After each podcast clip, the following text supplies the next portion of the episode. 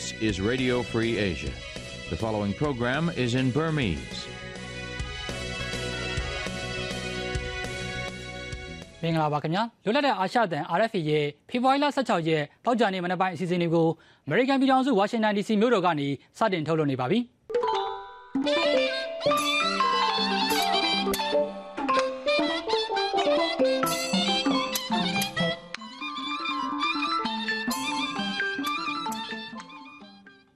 ကျွန်တော်ကကျော်လွင်ဦးပါဒီနေ့အစီအစဉ်တွေမှာကရားပြည်နယ်ရှားတော်မြို့ကိုကီနီတက်တွေတင်လိုက်တဲ့သတင်း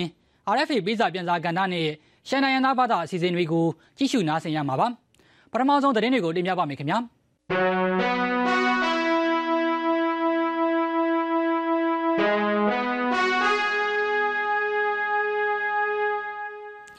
ကရားပြည်နယ်ရှားတော်မြို့ကိုဖေဖော်ဝါရီလ12ရက်နေ့ကစပြီးအလုံးစုံထိချုပ်နိုင်တယ်လို့ ကီယနီမျိုးသားကာကွယ်ရေးတပ်ကမနေ့ကသတင်းထုတ်ပြန်ပါတယ်။ပြီးခဲ့တဲ့ဇန်နဝါရီလ15ရက်နေ့ကစလို့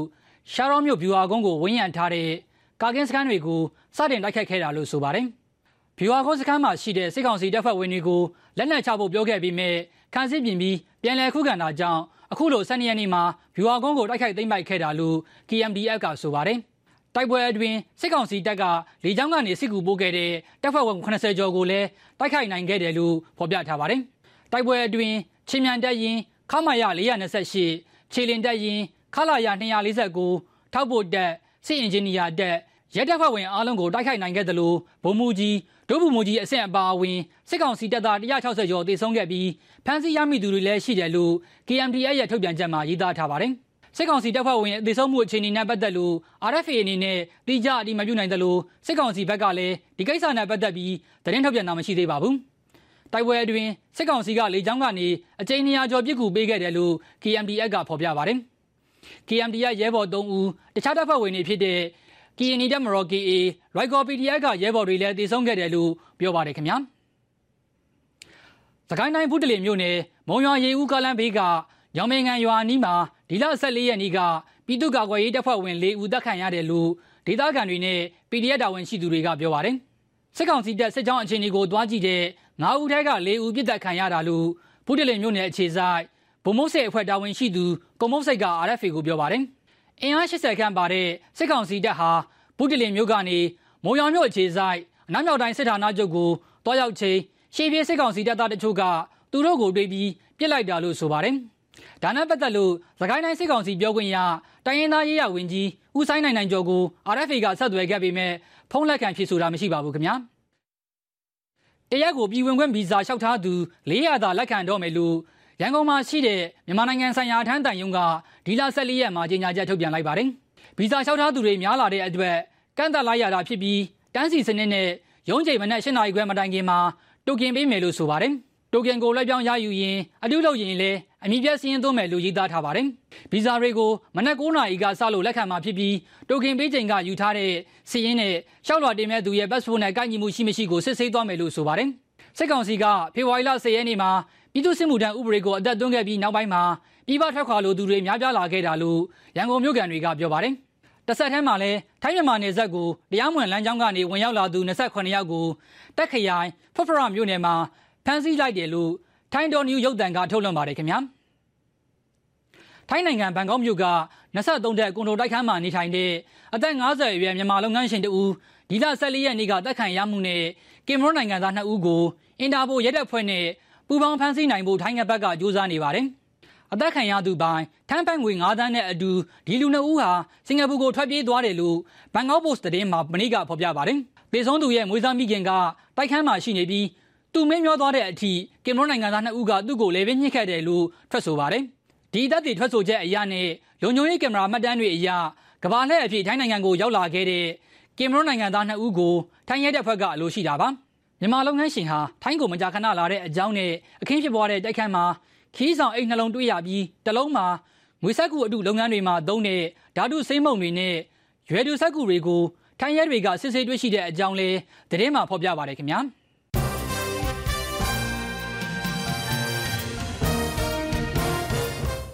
သတင်းတွေကိုတင်ပြခဲ့တာပါအခုဆက်ပြီးသတင်းဆောင်မတွေကိုထုတ်လွှင့်ပါတော့မယ်ခင်ဗျာယူကရိန်းကျူးကျော်စစ်အတွင်းမြန်မာအာဏာသိမ်းစစ်ကောင်းဆောင်နဲ့ရုရှားကောင်းဆောင်ဗလာဒီမီယာပူတင်တို့ဟာပိုပြီးနှီးကပ်လာတဲ့မိတ်ဆွေတွေအဖြစ်ရောက်ရှိသွားတယ်လို့နိုင်ငံတကာရေးနဲ့မြန်မာရေးလေးလာသုံးသက်သူတွေကပြောပါတယ်နှစ်နိုင်ငံနိုင်ငံရေးစီးပွားရေးနဲ့စစ်ရေးပုံမပူးပေါင်းဆောင်ရွက်လာတဲ့အကြောင်း RFA ကလေးလက်သုံးသက်ထားတာကိုကိုရဲကောင်မြင့်မောင်ကတင်ပြပါမယ်ခင်ဗျာ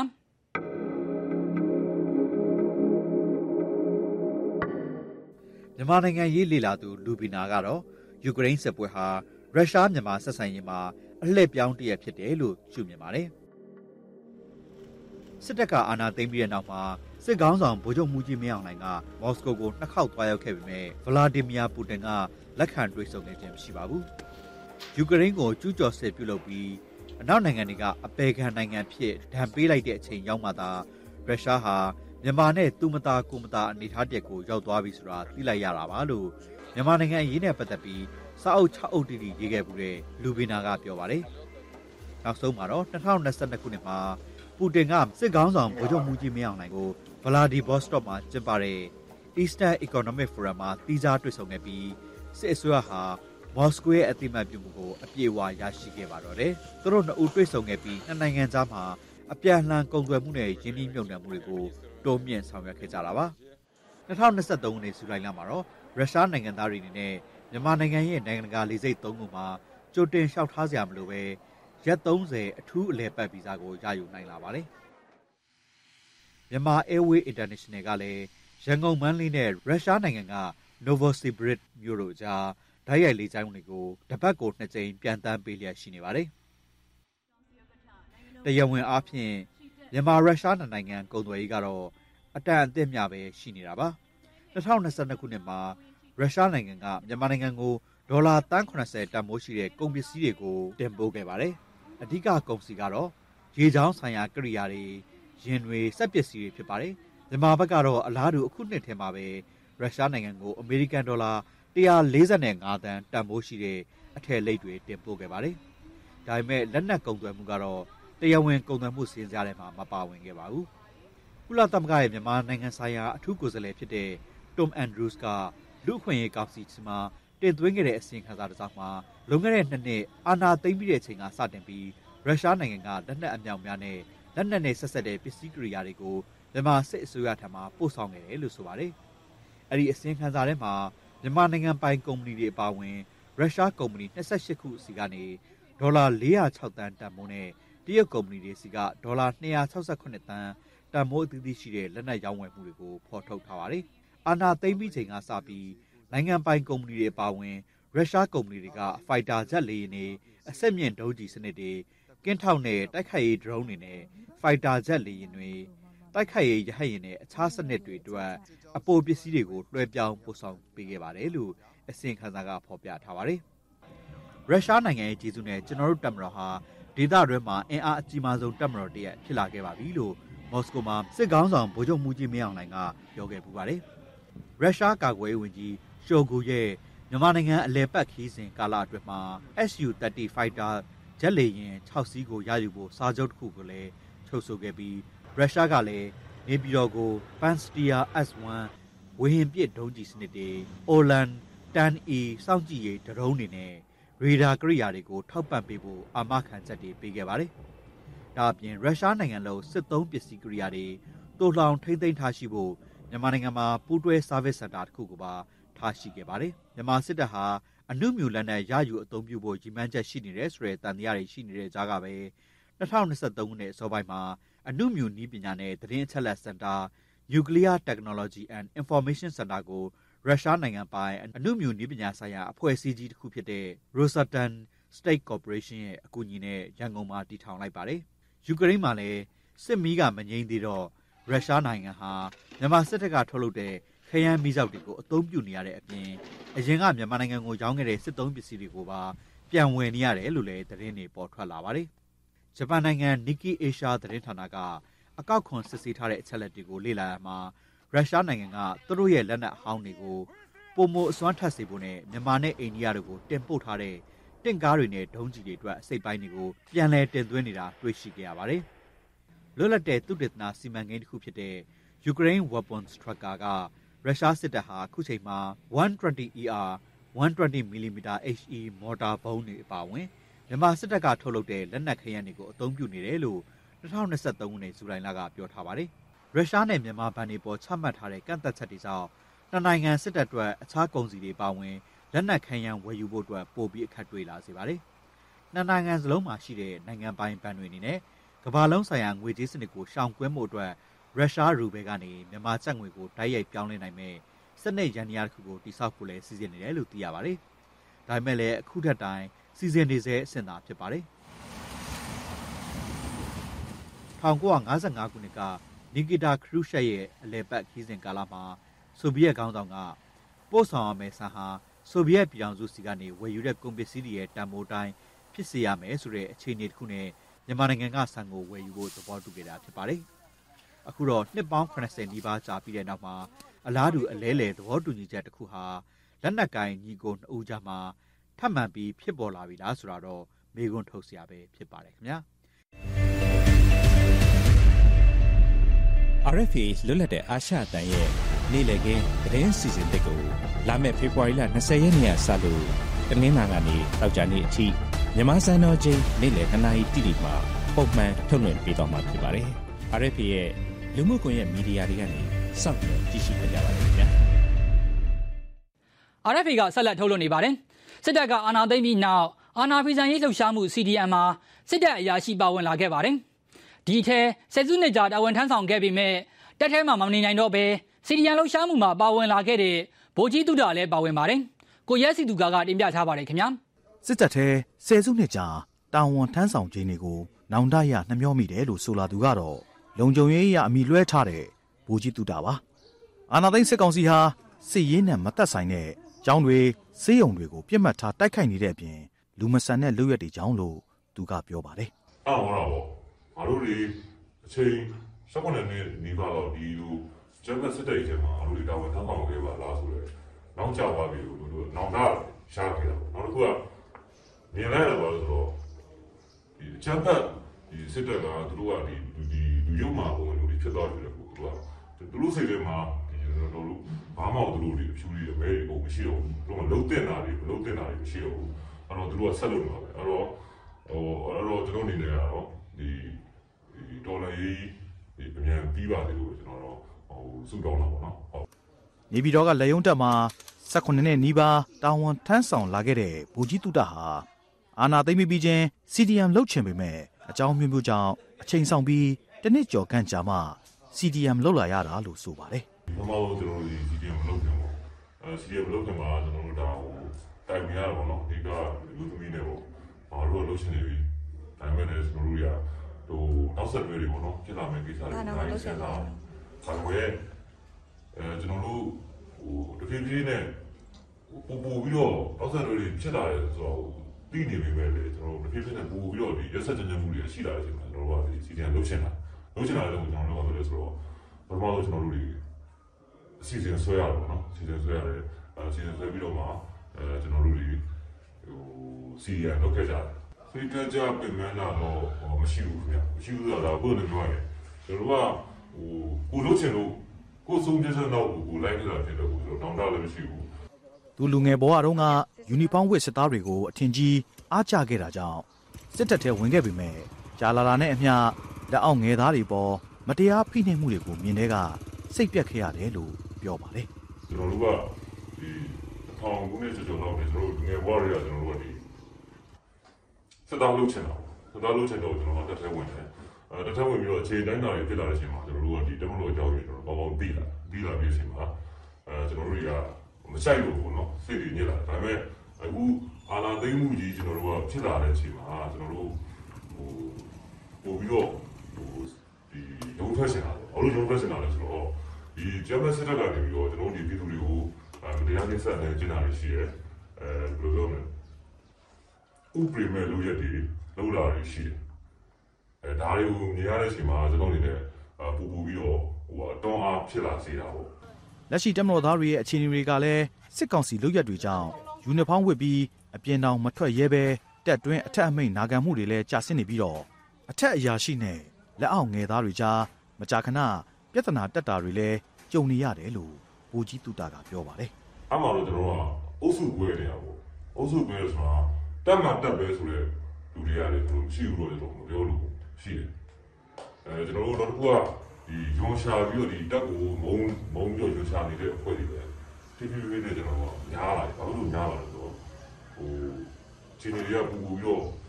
ဆိုးလာတော့နော်ဒီတော့ဆိုရင်ဖြစ်ခဲ့တဲ့ကိစ္စမျိုးတွေအဲဒီရာရှိနဲ့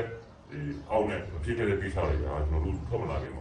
အဲဒီလိုမျိုးပြဿနာတက်တဲ့ကိစ္စတွေတဖြည်းဖြည်းနဲ့ဖြစ်လာတယ်မခံစားနိုင်တော့မကြိုက်တော့ဘူးဖက်ရှင်နေပြီအဲ့တော့ဟိုကျွန်တော်တို့မထွက်လာခင်တည်းကလေတက်ကဟိုတော်တော်ကြီးကိုဖွဲ့စည်းကိုပြတ်နေပြီလူတွေရဲ့စိတ်တက်ကလည်းဘယ်လိုလဲဒီစီရီယယ်လုပ်ချင်တဲ့ဘန်းကိုပို့ပြီးတော့ဟိုများနေတက်တွင်းမှာဘလောက်ပဲသတင်းအမှောင်ချချအချို့ကပြင်ပပဂတိအခြေအနေတွေကိုသိရှိနားလည်နေပြီးစီရီယာမှာပါဝင်နိုင်ဖို့စိတ်အားထက်သန်နေကြတယ်လို့လည်းပြောပါတယ်။ဗိုလ်ကြီးတုဒ္ဒဟာစီရီယန်လုပ်ပြီးလွတ်မြောက်နေမြေကို ဇနီးနဲ့ခက်ခက်ခဲခဲထွက်ပြေးလွတ်မြောက်ခဲ့တာပါ။နေဆက်မှာတရားမဝင်နေထိုင်နေရတာကြောင့်အခက်အခဲတွေကြုံခဲ့ရပေမဲ့ဒါတွေကိုအားအင်အပြည့်နဲ့ကြော်ဖြတ်နေတယ်လို့သူကပြောပါတယ်။ဒီဘက်မှာလူတရားဝင်နေရတာဖြစ်တဲ့တော့ဖိုင်ရတော့တက်ကြည့်အောင်ပေါ်ရတာလေဒီခိုင်ပါဒါပေမဲ့ကျွန်တော်တို့အခုဆိုရင်ကျွန်တော်တို့ဒီတမအဒီဝါကြကြကျွန်တော်ယူတော့ကျွန်တော်ကိုင်းရောင်းတယ်နော်ကိုင်းရရောင်းတယ်ပြီးကျွန်တော်အာဆိုင်ငယ်ကြီးဆွဲတယ် အဲကျွန်တော်တို့ဒီအားရချင်းမှာကျွန်တော်ဒီမိနစ်တည်းမီရတယ်ပုံမှန်ကျွန်တော်ပြီးတော့အဲ့ဒီကျွန်တော်လုပ်အဲ့တော့ဟောစင်ပြီးတယ်ခက်ခဲတွေရှိတယ်ဆိုပေမဲ့လည်းအဲကျွန်တော်တို့ကိုထက်ခက်ခဲတဲ့ရှိတယ်ဟိုဒီရှိရတဲ့ကိုကျွန်တော်ဒီအခြေအနေကျွန်တော်တို့ဘာဖို့ပါအဲ့တော့ကျွန်တော်တို့ဗာမိသားစုပြောရှင်တယ်ကျွန်တော်တို့ဟိုရှင်းဆိုင်ပြီးတော့ဖြည့်ရှင်းတယ်ဒီလိုအခက်အခဲတွေရှိတာမို့ဘဝတူ CDM တွေရဲ့အခက်အခဲတွေကိုကူညီထောက်ပံ့ပေးနိုင်ဖို့ပြည်သူ့မြစ်တာဆိုတဲ့အဖွဲ့ကိုမနစ်ကဒီဇင်ဘာလ19ရက်နေ့မှာ စတင်တည်ထောင်ပြီးမိသားစု15စုကို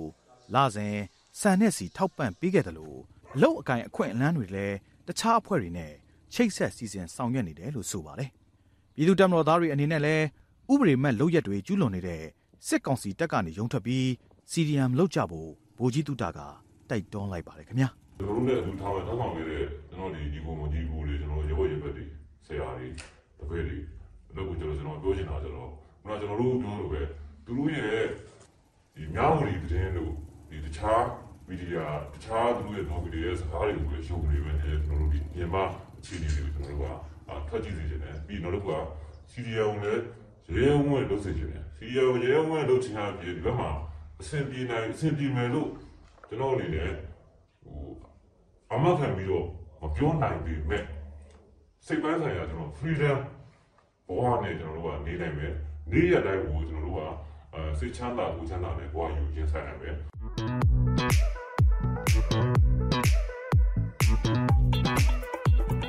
တော့ဥပဒေကိုလက်လုံးသားလုပ်ပြီးတော့လူတွေကိုစစ်ထဲကိုမတရားခေါ်သွင်းတဲ့ကိစ္စတစ်ခုပါ PDF နှစ်ယောက်အရှင်လက်လက်မီရှို့တပ်ဖြတ်ခင်အားဆိုတာကိုစီယာလွန်ပြောတတ်လို့ပဲအသက်20ကျော်အရွယ်လေးတွေပေါ့နော်10တန်းအောင်လားမီဒီယာလောင်နေစေဆိုတော့အဲ့ဒီလိုမျိုးမြင်ကွင်းတွေကကျွန်တော်တို့ကအဲ့တုန်းကတော့ထူးခြားနေပေါ့နော်ဒါပေမဲ့နောက်ကျတော့အဲ့လိုမြင်ကွင်းတွေခဏခဏကျွန်တော်ကြုံရတယ် ဒီနေ့တော်လန်ရေးရပါတော့ဘယ်အခြေအနေထိရောက်နေပြီလို့ကိုစရာလွင်မြင်လဲရှင်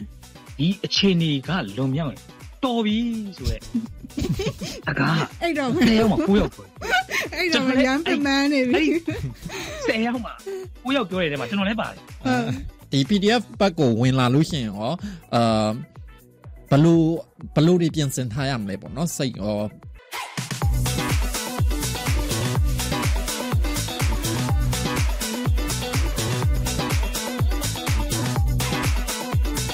အခုဆက်ပြီး RFA ပေးစာပြန်စာကဏ္ဍကိုတင်ပြပါမယ်ဒီတစ်ပတ် RFA ပေးစာပြန်စာအစီအစဉ်မှာစစ်ကောင်စီကစစ်မှုထမ်းဖို့လူတွေခေါ်ယူနေတာနဲ့ပတ်သက်ပြီးမန္တလေးတိုင်းနဲ့မကွေးတိုင်းကဒေသခံတွေရဲ့ပေးစာတွေအပြင်ဗမောင်းမြို့နယ်ကလက်ရှိအခြေအနေတွေနဲ့ passport တက်တန်းတိုးတဲ့အခါကြုံရတဲ့အခက်အခဲတွေအကြောင်းရင်ဖွင့်လာတဲ့ပေးစာတွေကိုမတ်ဂျူလိုက်မျိုးကကောက်နှုတ်တင်ပြထားပါတယ်ခင်ဗျာ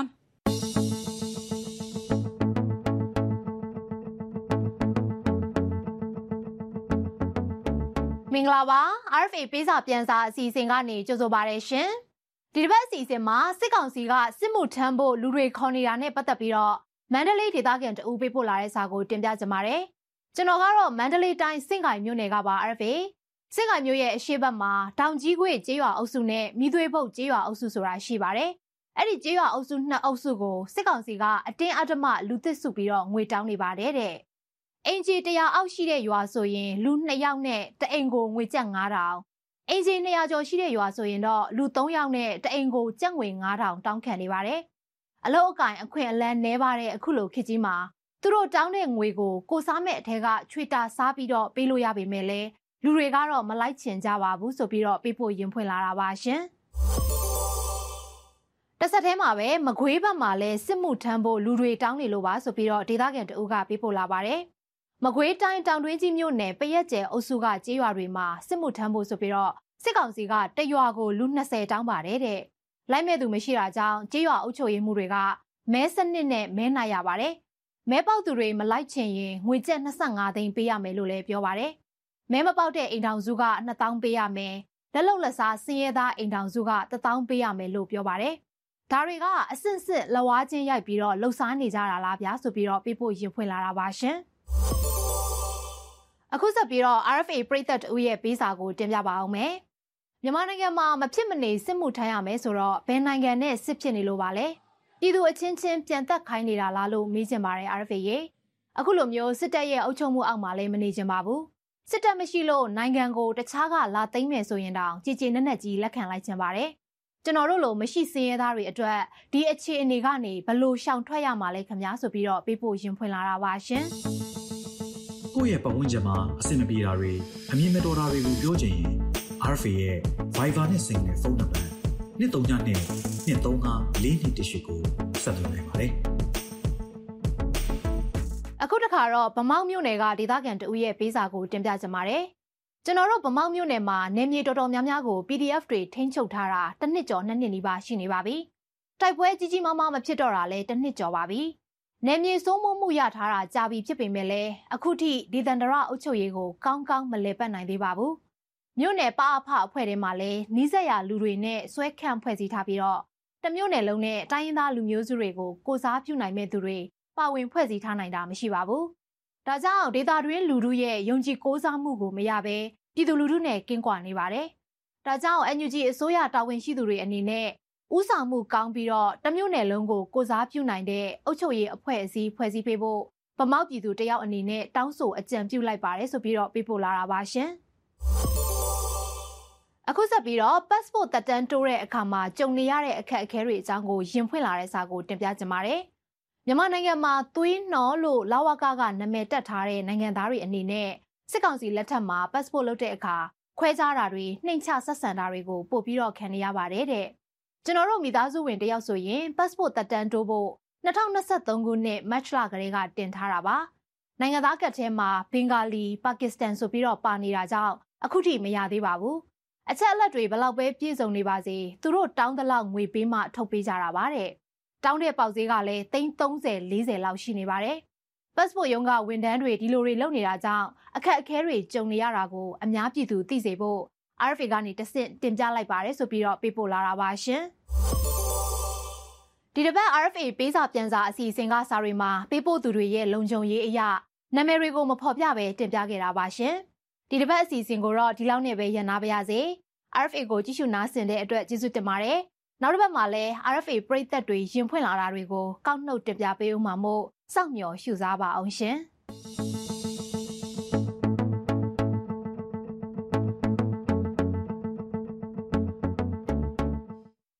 RFA ကိုကြည့်ရှုနေရတာပါအခုဆက်လက်ပြီးစိုင်းမင်းအစီအစဉ်တင်ဆက်တဲ့ရှန်တိုင်းသားဘာသာအစီအစဉ်ကိုမြန်မာစာတန်းတို့နဲ့တင်ပြထားတာကြည့်ရှုနားဆင်ရပါမယ်ခင်ဗျာ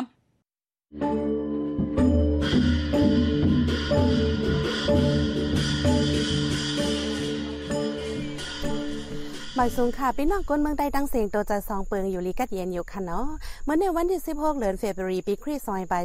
24ลักนีปีใต้ซอยปากปลาย 18 นีเลื่อนซ้ำเมื่อเจ็ดคำวันสุกคงปล่อยเสียงอาราฟีเตะขับหมายปล่อยเสียงฝ่ายใต้อยู่ออตอนนาวงในใจเมืองเป็นผู้หาปุนพรสีใจหยีพงตั้งขาวนางเยหอมเดหมกันให้งานเขาเงาในปันกว่าค่ะออจุมปีดูจิตปะโอเพียนโอเพียนเอฮอนเท่าตรงหนึ่งในเจเวียงยองหอยเสียคานเงินคานกวนตาเฮ็ดซึกเมื่อ ปอวันเรียกค้านหาก็ปอวันใหญ่ค้านวันเลยสิบก็หรือนั่นค้านเงินหนึ่งเฮือนไหลหกแสนปย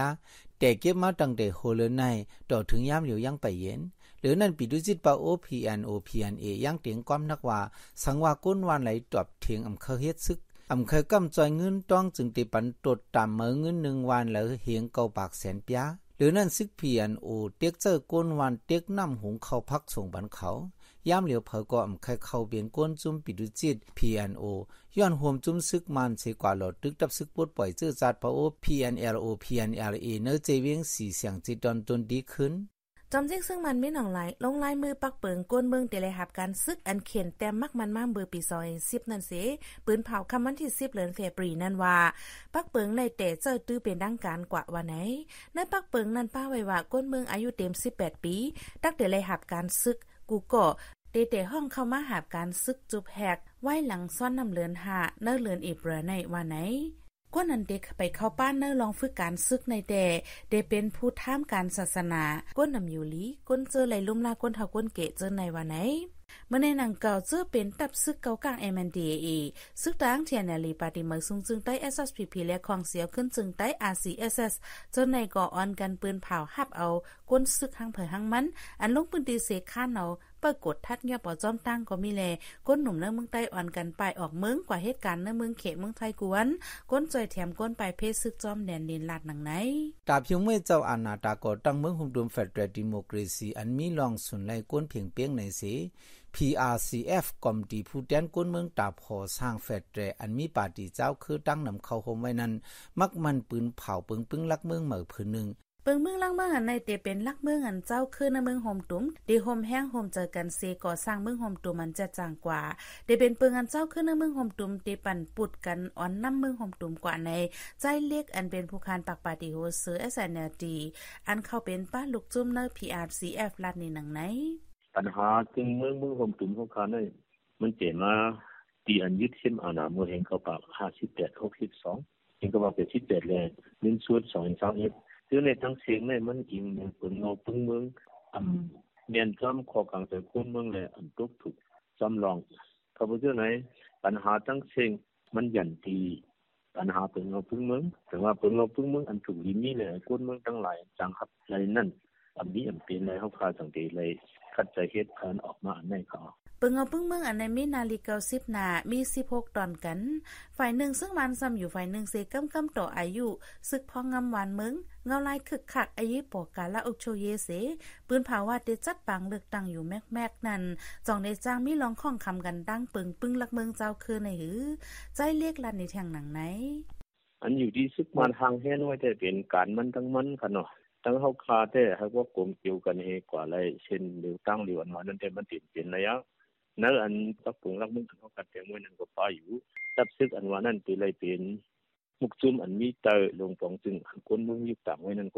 กปงรักมึงเขากัดแต่มวยนั่นก็ป้าอยู่ตับซึกอันว่านั่นตีเลยเป็นมุกจุมอันมีเตอลงปองจึงคนมึงยุบต่าดี PRCF ในอยู่ที่จุ้มอ้อยหลีเจอจัดเจ้าเคือพอมโฮมยูนเอและอันเป็นปาติจุ้มอ้อยหลีโฮมกันปืนเผาแลกจือขอดพอดเป็นตั้งการเมื่อปี2เฮง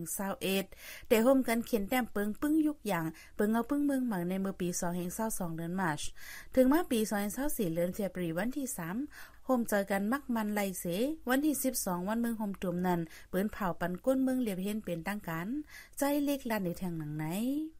หนึ่งหนังถึงคนเมืองที่บอกเลยว่าปัญหาการเมืองเนี่ยเป็นปัญหาปึงเงาปึงเมืองก็ต้องว่ามีปึงเงาปึงเมืองอันคนเมืองยอมรับเลยเลยอันตัวคือเติมเยนตรานั้นทำเป็นเนี่ยที่เลยที่เราปองเสอันนึงสองปองเสนั้นก็ไปเย้าหนังคือ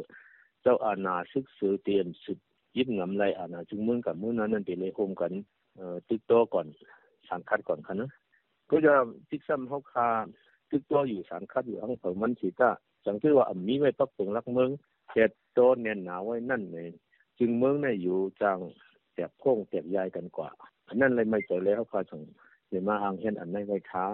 เนื้อ PRCF นั่นป้าไว้ปาร์ตี้การเมือง 12 จุ้มปาร์ตี้โฮเซอร์คืองงุนดิโมครีซีเจอคือได้ SNLD เป็นเก้ากัน